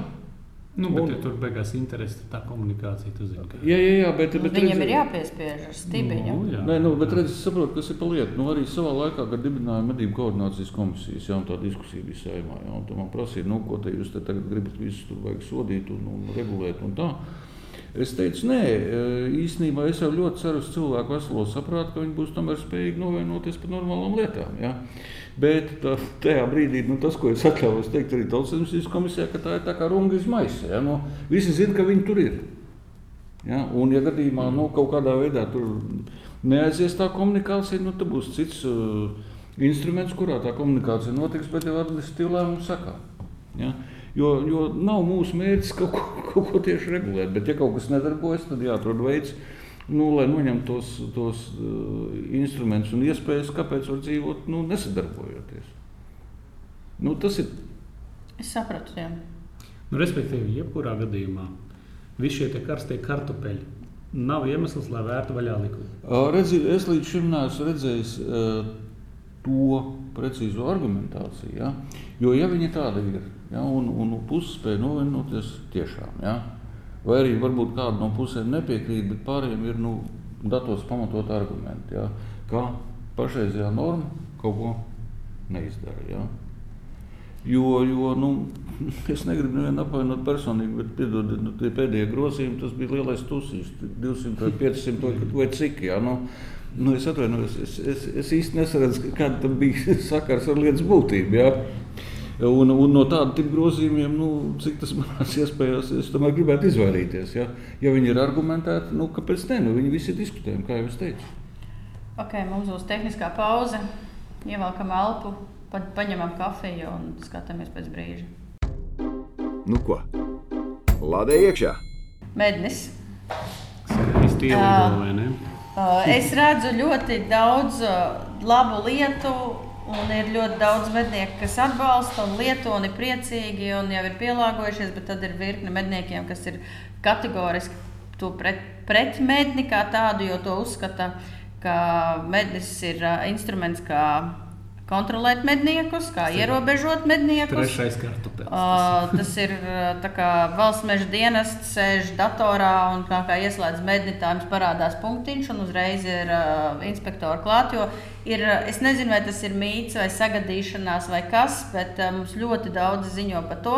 Ir nomedījuši cūku, noziņojuši mednī, nākamā dienā inspektors ir klāt kā likts un tagad visus tur tirpina un reizi viens. Jau teicu, tu vienkārši piezvaniet un pasakiet, ka jūs iesiet medīt. Nu, lai brauc ciemos. Uh, Tādēļ mēs esam apsolījuši mūsu skatītājiem um, šo jautājumu uzdot tev, jo kā mēs daudz komentāru saņemam, ir, ka šis ir tas aspekts, kas medniekiem neļauj uh, vai baida un neļauj medni pieņemt kā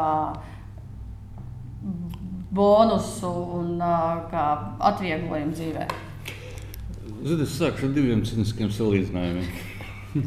Pirmais ir tas, ka cilvēki baidās no, no, no, no kad kaut kāda dienas viņus izsako un tam līdzīgi. Tajā pašā laikā viņi, es atvainojos, Facebook, Twitterī, vēl kaut kur izklājās tā, ka vispār nevienam nav jāizsako. Ja?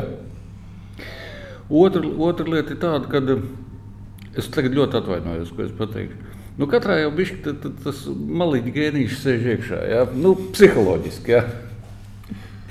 Un, un, nē, es saprotu, ka jūs tos nesēžat. Ja? Bet, tas, bet tagad pārējiem pie tās nopietnās daļas. Redzim, mednis ir tikai un vienīgi komunikācijas instruments, jo pirmkārt jau visu, ko drīkst un ko nedrīkst darīt, vai kas ir obligāti jādara, tāpat nosaka medību normatīvā, medību likums un medību noteikumi. Un, ja mednieki medī visu šīs lietas ievērojot, ja, tas ir mednis, nemednis. Es godīgi sakot, neredzu starpību. Ja. Bet psiholoģiski, protams, tā ir problēma. Un, un, bet, nu, es atgādinu, ka katrs jau to, to, to spiegu sev kabatā nesā līdzi pašlaik. Ja mēs runājam par mm, medni, Uh, viņš īstenībā, un, un te ir tas paradoks, jo redz, tā, tā ideja jau pat nenāca no meža dienas, lai mēs kādu varētu izspiegot. Ja? Ideja nāca no tā skaitā no mednieku un zemes īpašnieku sabiedrības, kur bija aizbraukuši uz Somiju un ieraudzījuši, ka tur ir tāda mednieku aplikācija. Paskatījās un nokonstatēja, o, baigi forši mums savaiga. Ja? Un tad uh, aizgāja tā, tā sākotnējā diskusija, kur, nu, sākā, lai neviens neapvainojas, man pagāja 3-4 mēneši iestāstīt ka medniskā aplikācija pats par sevi neko nedod, ja viņš nebāzējās uz mežos reģistru. Ja, kurā ir iekšā arī sadaļa attiecībā par, par medībām. Visas tās lietas, kuras mums ir tajā pakalpojumos un tam līdzīgi. Un līdz ar to viņš ir tikai operatīvs, ļoti labs, bet lietotāja interfeisa instruments. Jo tajā pašā aplikācijā jau nekas nenotiek. Tie dati jau reģistrējas mežos reģistrā. Bet savot, vienai daļai cilvēki liekas, ka man ir bankas aplikācija, es tur kaut ko izdaru, man tur viss notiek. Īstenībā viss notiek bankā. Jā. Un, un, un šeit tāpat tas viss notiek mežos reģistrā. Jā. Un, un līdz ar to uh, ir, protams, bažas, ka nu, es iedošu vairāk informācijas, man vairāk kontrolēs. Bet tas uh, kontrols objekts vai subjekts no tā jau nemainās. Ja, un, un līdz ar to, ja, ja ir viss kārtībā ar, ar, ar sekošanu medību normatīviem aktiem. Mednis, nemednis inspektors var aizbraukt arī tur, kur nav mednis. Ja, viņi arī brauc tur, kur nav mednis. Un, un, un, un diemžēl tāpat reizēm rezultatīvi. Ja. Kāpēc es saku diemžēl? Tāpēc, ka tad viņi kaut ko atraduši, ko cilvēki nav izdarījuši pareizi. Un, o, es gribētu teikt, ka mums ir vienkārši kopā jātīst visiem tā funkcionalitāte, kas ir noderīga. Ja, te ir virkni, virkni izaicinājumu. Redz, viņš jau radās kā Eiropas projekts un, un īstenībā ne meža dienesta projekts. Ja. Un līdz ar to tagad es drusku salīdzinu tā, ka nu, redz, mums ir piedzimis bērns. Visi saka, ka baigi foršais, ja, bet tikai bērni tiesa nav noteikusi, kas ir vecāki. Nu, tagad mēs strādājam pie tā, lai to vecāku jautājumu sakārtot. Ja. Jo, jebkurā gadījumā, kā jau teicu, mēs dienas ies, iet un ies uz, uz šiem elektroniskiem pakalpojumiem. Ja, tā, tas ir viens no instrumentiem, kā to izdarīt. Bet valsts meža dienestam, tu vari teikt, tā, ka valsts meža dienestam mednis nav instruments, lai kontrolētu medniekus, rakstītu protokolus un nezinu, sasniegtu rezultatīvos rādītājus pārkāpumu konstatēšanā? Redzīju, tagad es varu pateikt, nu, gaužā vienkārši nu, mums nav tāda rezultāta rādītāja. Vismaz budžetā. Ja? Mums tur ir dažādi rezultāti rādītāji, par kuriem mēs reizēm strīdamies ar finanšu ministriju, bet tas nav starp viņiem. Protokola nav rezultātīvos rādītājos. Tā ir jūsu atbilde. Nē, nu, varbūt, nē, nu, varbūt kādam ir prieks to izdarīt. Nē, nu, bet, nu, nē, nu, saprot, nu, ja, ja, ja, ja, ir, ja ir inspektors, kuram nav motivācija kādu noķert, viņš ir slikts inspektors. Diezgan, nu, Bet pie... tur mums ir mums arī stāsta leģendas par dažiem inspektoriem, kas piesienās visam un mēģina pat safabricēt uh, Redzēju, redzēju, redzēju, redzēju, tas ir saistībā varbūt pat iespējams ar, ar, ar mūsu tālāko diskusiju. Jebkurā gadījumā, ja kāds meža dienas darbinieks nav korekti rīkojies, priekš tam mums ir kontrolas procedūras un ir valsts dienas tā ir kontrolas daļa. Ja? Kur varētu dzīvot? Jā, bet, bet, bet, bet arī trauksmes cēlā institūts mums ir. Jā. Ja? Kur tad, nu, ja, piemēram, tagad atbrauc un piemēram, inspektors ir Bet, tā, tā, bet, ne- bet, bet, bet tas, ko es gribu teikt, ka nu, tas, ko mēs dienas var izskatīt, tas ir tikai un vienīgi balstīts uz pierādījumiem, nevis uz emocijām. Nu, tā, ja, ja c- jūs mežā ir pārbaudīts un jums ir sastādīts, piemēram, protokols, un jums šķiet, ka tas nav pamatots, kur ir jāvēršās. Nu, bet ir pārsūdzības procedūra vienkārši. Ir. À, pēc tam ir. Galvenais nevajag to protokolu parakstīt, ja jūs Tagad, nepiekrītat. nu, redzi, ir, ir, to nosaka administratīvā procesa likums, un, un, un, un, un, un tam arī dienas seko. Un tas mans uzstādījums, ka mums viņam jāsako ir precīzi. Un, uh, saprot, var runāt riņķī un apkārt par dažādām lietām, bet, ja ir problēma, mums jānonāk līdz viņas saknē. Nu, tas ir tāpat kā par to medību darba grupu. Ja? Jo bija neformālā grupa, tu nokonstatēji, ka nevar vienoties. Tad viņi pārcēla kā ar ministrijas rīkojumu, uztaisīja grupu, kur ielika man pa vadītāju. Es gan vairs ministrijā nestrādāju, bet es esmu pateicis, ka es to pienākumu esmu pieņēmis un es to jautājumu arī novadīšu līdz galam. Līdz ar to pie tā pirmā rezultāta pa stolbrīdi mēs nonācām. Un tas pats attiecās arī ar, ar, ar, par šaubīgiem gadījumiem. Nu, nu, Mēs jau varam runāt, visu, ko tur tas ir blēdis, šis ir blēdis. Nu, ja kāds ir tāds, nu, tad, tad, tad jāpierāda, ka viņš tāds ir un attiecīgi jānovērtē. Nu. Tas, ir, tas ir tas, ko es varu dokumentēt. Un, bet, bet, eh, jebkurā gadījumā es redzu, ja mēs atrisināsim šo lietotājiem draudzīgā uh, interfeisa attīstību, un atkal ne tikai par medībām, ja, bet par, par, par, par arī meža saimniecību un pārējām lietām, jo viņas jau ir sav- stipri Protams, jā. saistītas. Tad īsnībā vienkārši dienas spēs piedāvāt saviem klientiem, starp kuriem ir arī mednieki, labāku pakalpojumu.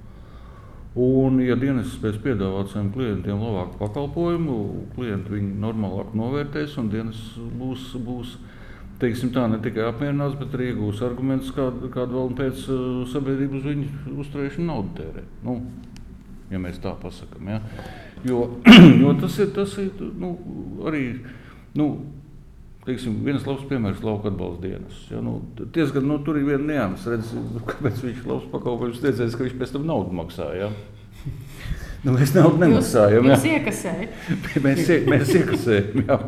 Bet, bet, bet jebkurā gadījumā, nu, ja, ja likumdevējs jau jebkurā līmenī pateicis, ka tāda lieta ir vajadzīga, nu, tad, tad mēs viņu arī izpildām. Un, uh, bet uh, mednis, un, un es domāju, arī ir jāpiestrādā, lai mums būtu arī uh, paralēli uh, tieši tāpat funkcionalitāte arī web interfejsā. Ja? Jo lieta no ti- tikai viens veids struktūrētam interfejsam. Ja? Kad, kad, tad, tad, tad mūsu klientiem būs vieglāk dzīve, un arī dienas darbiniekiem vieglāk dzīve. Ja? Nu, es, tur, es redzu arī ikdienā, es, cik es esmu izmantojusi. Man ļoti patīk, jo šobrīd beidzot uh, ir iespēja apstīties, vai tu atrodies savā medību platībās, vai tu neatrodies savā medību platībās. Bet tad atkal ir sūdzības par to, ka tas līgums ir reģistrēts, un tas līgums nav parādījies mednī. Mums ir pat viens kolēģis no Liepājas, kurš ir iesūtījis, aiznesis līgumu uz valsts meža dienestu pirms diviem mēnešiem, bet tas vēl nav parādījies. Mednī, kā šīs problēmas Nē, lielās redz, redz, redz, kas ir pa lietu. Viņš parādās mednī, tad, ja viņš ir reģistrēts mežvalsts reģistrā. Nu, Ja? Citreiz, acīm redzot, ir kaut, Jo, kādas, jo, ā, jo, kaut kas jo, jo, jo mednis pats par sevi tur, tur, tur, tur neko nedara. Jā, jā, jā. Ja, viņam korekts. Un, līdz ar to, ja kaut kas tāds ir uzkāries, nu, nu vienkārši tad jāpazūd uz virsmētniecību un jā, jāuzprasa, kur pazūd. Tik Nu. vienkārši. Nē, nu jā, nu, bet nu, tas ir pirmais. Nu, ja, ja, ja tur at- atbildi neapmierina, tad, protams, ir iespējas rakstīt vēstules. Nu. Okay. Jo, jo visa vis komunikācija, kas mēs dienestā ienāk, viņi tiek reģistrēti, viņi tiek reģistrēti mūsu dokumentu vadības sistēmā absolūti izsekojami un auditējami. Tā, kā tā. Tā, tā ir Ja dokuments ienāk, un tur tad, uh, ir atzīme, ka ir reģistrēts. Tad... Nu, bet viņš parādās dokumentu vadības sistēmā. Nu, Ok. un, un, un, un, un, ja viņš tur nav parādījies, tad uzreiz var sameklēt, kur un kāpēc viņš nav parādījies. Nu. Bet es saku, nu, teiksim tā, man nav pamata domāt, ka dienas kolēģis strādā negodprātīgi. Ja kādam kaut kas ir gadījies kļūdīties, nu, tad to vienkārši var atrast un izlabot. Jā, jo tās skaļākās lietas jau parasti ir kaut kādas individuālas, kur kāds ir saskāries un vienkārši stāstīs apkārt. Nu, nu, jā, nu, un atkal tur, tur kā teikt, vienas otras puses neveiksmīga komunikācija vai kaut kas tāds, un tad, tad vienkārši nu, ziep burbulim, teiksim, tendence Nu, pieaug. jā, bet šīs mazās lietas, jo cilvēki viņu stāsta, viņi komentē, viņi raksta, un tas Nē, rada nē, vi- pietiekami nē, negatīvu Lin- Linda. Linda, Linda, bet tāpēc es saku, jā, redzi, nu, var jau baigi labi vārīties kaut kādā sociālā burbulī, jā, bet tas jau, tas jau pēc būtības neko neatrisina. Jā. Tad vienkārši vajag griezties meža dienestam un pateikt, nu, uh, es zinu, vai man liekas, vai ir kaut kāda ir šāda tipa problēma. Un, un, un, un, Viņi nekur nepazūd, un viņi tiek pārbaudīti, ja, kur ir tā problēma. Nu, man arī pie- piemēram pirms brīža pagājušajā nedēļā beigās zvanīja. Nu, kāpēc nav izsniegts ciršanas apliecinājumu tērvetē, ja tur tipu? Jā, jo, jo vētra bija nedēļas sākumā, nedēļas beigās jau meža dienas bija izmainījis rīkojumu. Jau atcēlās aprobežojumus tur, kur beigās. Nu, piedod, tas nav pa tēmu, bet vienkārši parādot to procesu. Mēs nostrādājam ļoti operatīvi. Bet tur ir teiksim, viena nianses. Kā tur ir vēl arī īpašais dabas teritorija, tur vajadzēja arī dapadziņu. Un vienkārši valsts meža dienas nebija izdevusi dokumentu, tāpēc, ka viņš nebija saņēmis dapadziņu. Bet uh, vienkārši to mēs varam, nu, ja kāds to uzprasa, mēs varam ļoti vienkārši nokonstatēt, kāda ir tā caurvīja sakrība. Ja kaut kas nav parādījies, tad jautājums, vai nu cilvēks nav iesniedzis vai kaut kur ir kāda kļūda. Tieši tā. Viss ir tik vienkārši. Bet principā tendence par medni. Kāds ir plāns? Tā kā pāriesim vispār uz medni, ja kaut kas papīrā tomēr vienmēr būs. O, redzīt, tas... Jo mums ir dažādas Nē, mednieku redz, grupas. redzīt, redzīt, tā, tā, tā, tās nav tikai mednieku grupas. Ja. O, nu, mednieku vecuma struktūra ir apmēram tāda kā meža īpašnieku vecuma struktūra. Nu, nu, okay. Nav nekas tik unikāls. Ja. Un, un, diemžēl viņi jaunāk nepaliek. Un, uh, tur, tur ir uh, varbūt kaut kādas, kaut kādas zināšanas, varbūt kaut kāda mentāla problēma kaut kur. Vai, nu, nu, kāda nu viņa būtu? Ja? Un, un uh, valsts meža dienesta vispārējais mērķis ir pāriet maksimāli uz klienta elektronisko apkalpošanu, bet ņemot vērā, ka vienmēr var pastāvēt kādi objektīvi faktori, kāpēc tas cilvēks to nevar izdarīt. Un tāpēc joprojām paliek klātienes klienta pieņemšana. Viņi gan nebūs 7, 24, 360, ja, ņemot vērā arī visu, bet būs noteikti klienta apkalpošanas laiki, ja, kur arī teiksim, mums arī bijuši jau iepriekš noteikti, ne visu nedēļu. Kas būs atkal publiski pieejama mājaslapā, un tad cilvēks arī ar to savu papīru var aiziet, un pie referenta arī viņš palīdzēs to papīra dokumentu pārvērst elektroniskā. Nu ko, pārlādējam! Tā kā, tā kā, tā kā nu, arī, arī, arī es pat negribu atkal saukt likuma pāns, likums arī tādu situāciju paredz. Jā. Bet tas mērķis mums ir uh, maksimāli, jo, jo tas prasīs maksim, minimālu laiku klientam, jā, tās lietas izdarīt. Viņš prasīs uh, daudz mazāk administratīvo resursu patēriņu valsts meža dienestam, lai atkal atrisinātu to jautājumu, ar ko mēs sākam mūsu sarunu. Mm -hmm. Un, un, bet, nu, kā jau teicu, nu, ja, ja, ja kādam tas galīgi nav pieņemams vai pieejams, vai, vai kāda cita iemesla, valsts meža dienestam jau arī saglabāsies klienta, klātienes klienta apkalpošana. Tas, protams, prasa vairāk laika, varbūt pat lieka autobusu biļeti vai vēl kaut ko, bet nu, nu, tāda ir tā situācija. Okay. Pēdējais jautājums. Mums uh, saņēmām zvanu. Es, ne, es publiski neteikšu, par kuru mednieku klubu, jo viņiem tur esot tiesvedība. Cilvēks sūdzējās par to, ka ir bijis tiesa un tas situācija nav atrisināta. Jā, man tas cilvēks telefonā teica, ka ja viņš nevarēšot savā medību platībās medīt, tad viņš panākšot to, ka Latvijā vispār nevarēs medīt. Uh, es saprotu, ka skaļi vārdi, bet tur ir liels emocijas. Un, uh, kā tiek risināti šie jautājumi? Jo tas līguma, līguma jautājums ir uh, situācijas, kad ir piemēram viltoti līgumi, tad ir līgumi, kas noslēgti pa labi tikai mednieku klubam, un, un īpašnieks ir kļuvis par uh, ķīlnieku. ķīlnieku jā. Da, daudz dažādas situācijas. Man, man, man uz to jautājumu ir uh, vairākas atbildes un daži apsvērumi. Pirmais par konkrēto situāciju īstenībā es viņu nekomentēšu detaļās, arī dažu apsvērumu dēļ, tā skaitā arī tās pašas tiesas dēļ. Bija cilvēks, piemēram, atnācis pirms pāris nedēļām uz pieņemšanu. Uh, atnest lielu mapu, Protams, emociju bija daudz, bet mēs vienojamies par vienu vienkāršu lietu. Kā es teicu, nu, es to, viņš teica, ņem to mapu. Nu, es teicu, nu, es, protams, to mapu neņemšu. Ja? Bet mēs vienojamies, es viņam lūdzu, nu, uzrakstu lūdzu iesniegumu, kurā tu apraksti to, ko tu man stāsti.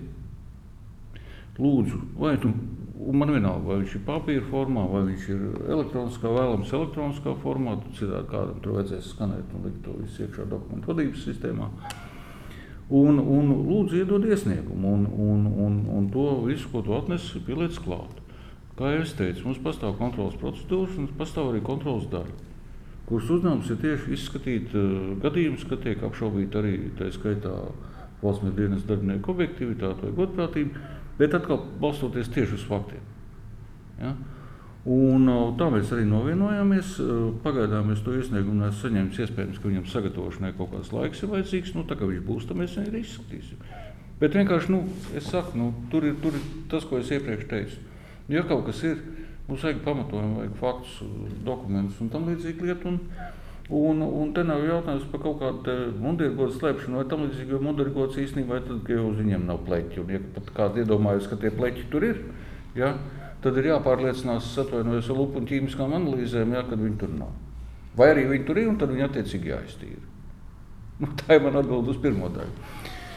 Tālāk, attiecībā par līgumiem, tas jautājums jau ir īstenībā sarežģītāks. Jo tiem līgumiem ļoti gara vēsture no 90. gadiem. Ja?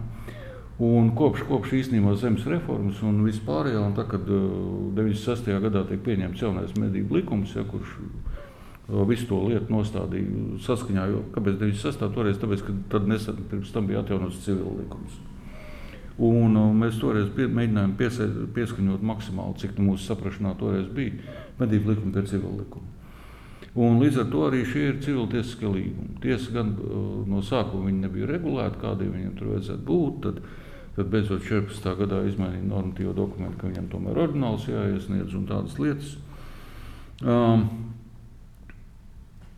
Pavisam godīgi runājot, es nākotnē redzu, ka tie ir elektroniskie līgumi. Hmm. Tur es atvainojos, ir puses, ir auto, neatkarīga autentifikācija, ir laika zīmogs un viss pārējais. Ja. Tas būs risinājums. bet, bet, bet, bet, lai viņus, jo, jo redz, kas ir, nu, mums nav pamata apšaubīt spēkā esošu civiltiesisku līgumu. Ja? Nav, nav, tā, nav tā mūsu kompetence un īstenībā nedodies, ja mēs to sāktu darīt. Bet, bet, bet uh, lai uh, teiksim, tā, noteiktu, ka tiešām arī civiltiesiskie līgumi ir kaut kāds brīdis, kad nu, viņiem vajag uztaisīt kaut kādu revīziju. Ja? Jo, nu, kā Līna teica, nu, viņi ir dažādi. Nu, vienos vārtos, otros vārtos uh, vienkārši trūkst kaut vai teiksim, nu, vēlāk pieņemtā dokumentu spēkā esamības likuma rekvizīti vai vēl kaut kas, jo, jo viņi tika noslēgti pirms tas likums tika pieņemts. Un, Bet viņi ir spēkā. Un, bet, viņi spēkā, jo cilvēku likums pasaka, ka arī mutiska vienošanās vienošanās. Ja? Un, līdz ar to es redzu, ka īstenībā mums ir iespējams pēc tam, kad mēs tos pirmos karstos skatuves būsim sašķirojuši. Ja? Jo nu, šis neizbēgami ir bijis, bijis kaut kur dažās situācijās bumba laikdegli, ja? nu, ņemot vērā visu to vēsturi. Nevienu negribu pārmest. Nu, mēs, piedod, pats atceroties, kāds tas bija dumšs un naivs 90. gados, ja, salīdzinot ar šodienu. Ja? Tad, tad, tad nu, mēs, kādi mēs bijām, tādi mēs bijām. Ja? Nu, vienkārši tā ir objektīva vēsture. Bet, lai to jautājumu paceltu kaut kur kvalitīvi augstākā līmenī, ja? nu, mums ir jāpārskata. Iespējams, ka šī iemesla dēļ ir vajadzīgs likuma grozījums, jo, jo pretējā gadījumā nav argumenta, kāpēc būtu jāpieķerās spēkā esošiem cilvēciskiem līgumiem. Bet tā ir ļoti smaga un ļoti, ļoti fundamentāla saruna. Jā, ja man liekas, ka tas, ir, tas darba apjoms būs vienkārši absolūti vaiprātīgs. O, jā, tie ir apmēram 100 tūkstoši līgumu pašlaik. Nu, tiesa gan, nu, piemēram, cilvēks tur netiks galā. Nē, bet, bet nē, Linda, Linda, Linda iedošu vienu ciparu, citu ciparu salīdzinājumu. Mēs te runājam arī par iekšējām lietām, piemēram, mums nākošu gadu ir, ir, ir jānoarhivē, nu, tīri no formālo dokumentu vadības viedokļa 65 tūkstoši dokumentu. Nu, tie ir apjām, nu, apmēram dokumentu apjoma, kādiem strādā meža dienests. Ja? Un, un, un, un tas jautājums ir pacelts vietā. Par konkrēto situāciju jau pateicu, mēs izrunā, es konkrēti izrunājos ar cilvēku, un, un tāda mūsu vienošanās vienkārši. Nu, Jo, jo no tā, ka man te tagad ir rokā kaut kāds papīrs, no tā jau nekas nemainās. Ja? Nu, tad, tad jāapskata tā situācija kompleksā, kāda tur bija vēsture, kas tur ir tiesiskā situācija un cita. Ja? Jo tur ir jau iesaistīta gan, gan policija, gan ir bijušas tiesvedības, un līdz ar to nu, mums jārespektē arī visas šīs puses. Ja? Bet, bet tas jautājums jau nu, okay, šis, šis ir pacēlies vienkārši nu, pietiekoši, teiksim, nu, augstu emociju līmenī, varbūt dažu personību dēļ. Atkal, bet, nu, bet, bet tas, ko tu minēji, ja, nu, tā, tā ir reāla lieta, pie kuras mums vienreiz jāpieķerās un jāpaskatās, kā to darīt. Ja, jo, Jo, jo, jo arī tajā gadījumā, pat ja viņš ir, nu, nu piedod, papīra mēdz pazust, papīra mēdz, nezinu, iznīkt vai, vai, vai uzlīst, uzlīst viņam kaut kas virsū vai, vai, vai kaut kas. Ja. Ja viņš ir elektronisks līgums, kas ir attiecīgi neatkarīgi autentificēts un, un, un, un, un, un iesniegts, viņu, viņam jau tās kopijas saglabājās. Ja tu saproti, var paslēpt visu kaut ko, ja? bet visgrūtāk paslēpt kaut ko, kas ir vienreiz bijis datorā. Tā ir. Jā. Kolosāls nobeigums gandrīz vai mums sanāk. Tā, nu, bet tā tas ir. Nu, bet tāds arī tas ir fakts. Nē, uz to mēs ejam noteikti, jo es neredzu, kur atkal glabāt kaut kādu papīru. Jā, jā bet, bet, bet, bet, bet, bet tāpēc es teicu, ka nu, tas ir apsvērums pašlaik. Ja, bet, nu, vienkārši, nu, ja tu man prasa, ko es domāju, es pasaku, ko es domāju. Nu, tā kā atgriežoties pie mēģņa, viss būs mēģinīgi. Viss no, būs, viss būs meža valsts reģistrā, neatkarīgi no tā, kāds interfejs tam tiks jā, jā, vai tas būs mēģinājums. Jo, jo es, es pat pieņemu, ka varbūt, kad jā. vēl var būt situācija, ka kāds cits grib kaut ko attīstīt, tad laipni lūdzu. Bet tad, tad vienkārši uh, mēs dienas noteiks tehnisko specifikāciju, kam tam jāatbilst. Jo, tieši tik vienkārši. Jo, jo, jo jebkurā gadījumā lietas jau notiek mežos reģistrā. Viņš notiek VMD serveros. Nu, jā. Jā. Un tā ir dažāda, tikai... nu, tā ir dažāda komunikācija instrumenti. Nu, tieši tā, kaut kā tam līdzīga. Mazais rezumē, šodien esam ļoti jauki parunājuši valsts meža dienestā sestajā stāvā un runājuši par kaut kādiem četriem karstiem kartupeļiem. Man liekas, mums, viņi mums ir šausmīgi, ļoti, ļoti superīgi daudz. Ceru, ka jums patika. Un, man liekas, šodien bija forša Zolīda intervija. Bija tāda ļoti forša saruna. forša saruna. Nu, bet Sen esmu tādās piedalījies, jā. esmu atpakaļ. Forši cilvēki forši parunājāmies. Es domāju, es ceru, ka jūs arī daudz ko ieguvāt. Neaizmirstiet obligāti uzrakstīt kaut ko komentārā, ja, kas jums patika, nepatika, un ko jūs varbūt gribētu pajautāt vēl kādu reizi. Vai arī ieteikums. Un ieteikums. Jā, un, un varbūt uh, paldies, ja es vēl drīkst arī iestrpināties. Uh, īsnībā šīs ir aktuālās tēmas, ko, pa ko mēs runājām. Ja? Un, ja ir jautājumi vai kādi ieteikumi vai apsvērumi, kā kaut kādas lietas varētu izdarīt labāk, mēs vienmēr esam atvērti un, un, un laipni lūdzu. Nu, Sūtiet uz meža dienas, sūtiet me, medībām. Nu... Es jau zinu, ko vajag. Es jau zinu. es jau zinu, jāsamazina tiem ārzemniekiem tās. Nu, nu, mēs, mēs būtu dažādi viedokļi, bet lai, lai, mē, mēs esam vienmēr atvērti jaunām idejām. Jā, jā, nu labi, tas tā. Nu, tagad es varu par to laiku. Nē, vēl pagaidi. Tu teiksi, ja, es vēl teikšu to, ka mums ir iznācis jaunais pielikums, medību ieroči un šaušana. Otrais šī gada pielikums tiek sabonēja kopā ar žurnālu. Tiem jau jābūt paskastītē, bet tā meklējiet preses tirzniecības vietās. Un arī jaunais numurs ir iznācis. Es gribēju atgādināt, ka šī ir epizode sadarbībā ar Medību Savienības attīstības fondu. Viens no galvenajiem fondu uzdevumiem ir mednieku izglītošana. Jā, tā kā tā šodien ļoti labi izglītojāmies. Es ceru, ka kaut kas jums aizķērās. Saruna bija interesanta. Jebkurā gadījumā jūs tur, kad sākāt runāt par tiem hieroglifiem, zināt, ķīniešu valodā, tad, bet mēs šo to iztulkojam. Ceru, ka jūs arī sapratāt, par ko ir runa. Tad beidzot, neaizmirstiet uzspiest laikus. Ja? Izplatiet izplatījumiem un obligāti parādiet šo epizodu tiem, kas varbūt nav mednieki. Ja? Bet par tādiem vēlās kļūt. Tā ir tā ļoti svarīga lieta. Un vēl svarīgāk par visu Ja nemēslojiet mežā, nemēslojiet nekur. Ja jūs redzat, ka kāds to dara, aizrādiet un savāciet savus sūdzības. Jā, dodiet mizā kaut kā tā. Arvīn? Uh. Jā, paldies par sarunu. Un īstenībā es domāju, ka bija tā teikt, forši cilvēki, adekvāti jautājumi. Tie, kas ir tiešām būtiski un, un, un ja ir kādi jautājumi vai izaicinājumi vai, vai pat ir iestājusies problēma, nu, runājam savā starpā. Jo, ja mēs nerunājam, mēs neko neatrisināsim. Ja mēs runāsim, mēs visdrīzāk, pateicoties dažādiem viedokļiem, atradīsim to labāko. Tieši tā. Ņemamies nost. Masts beidzies.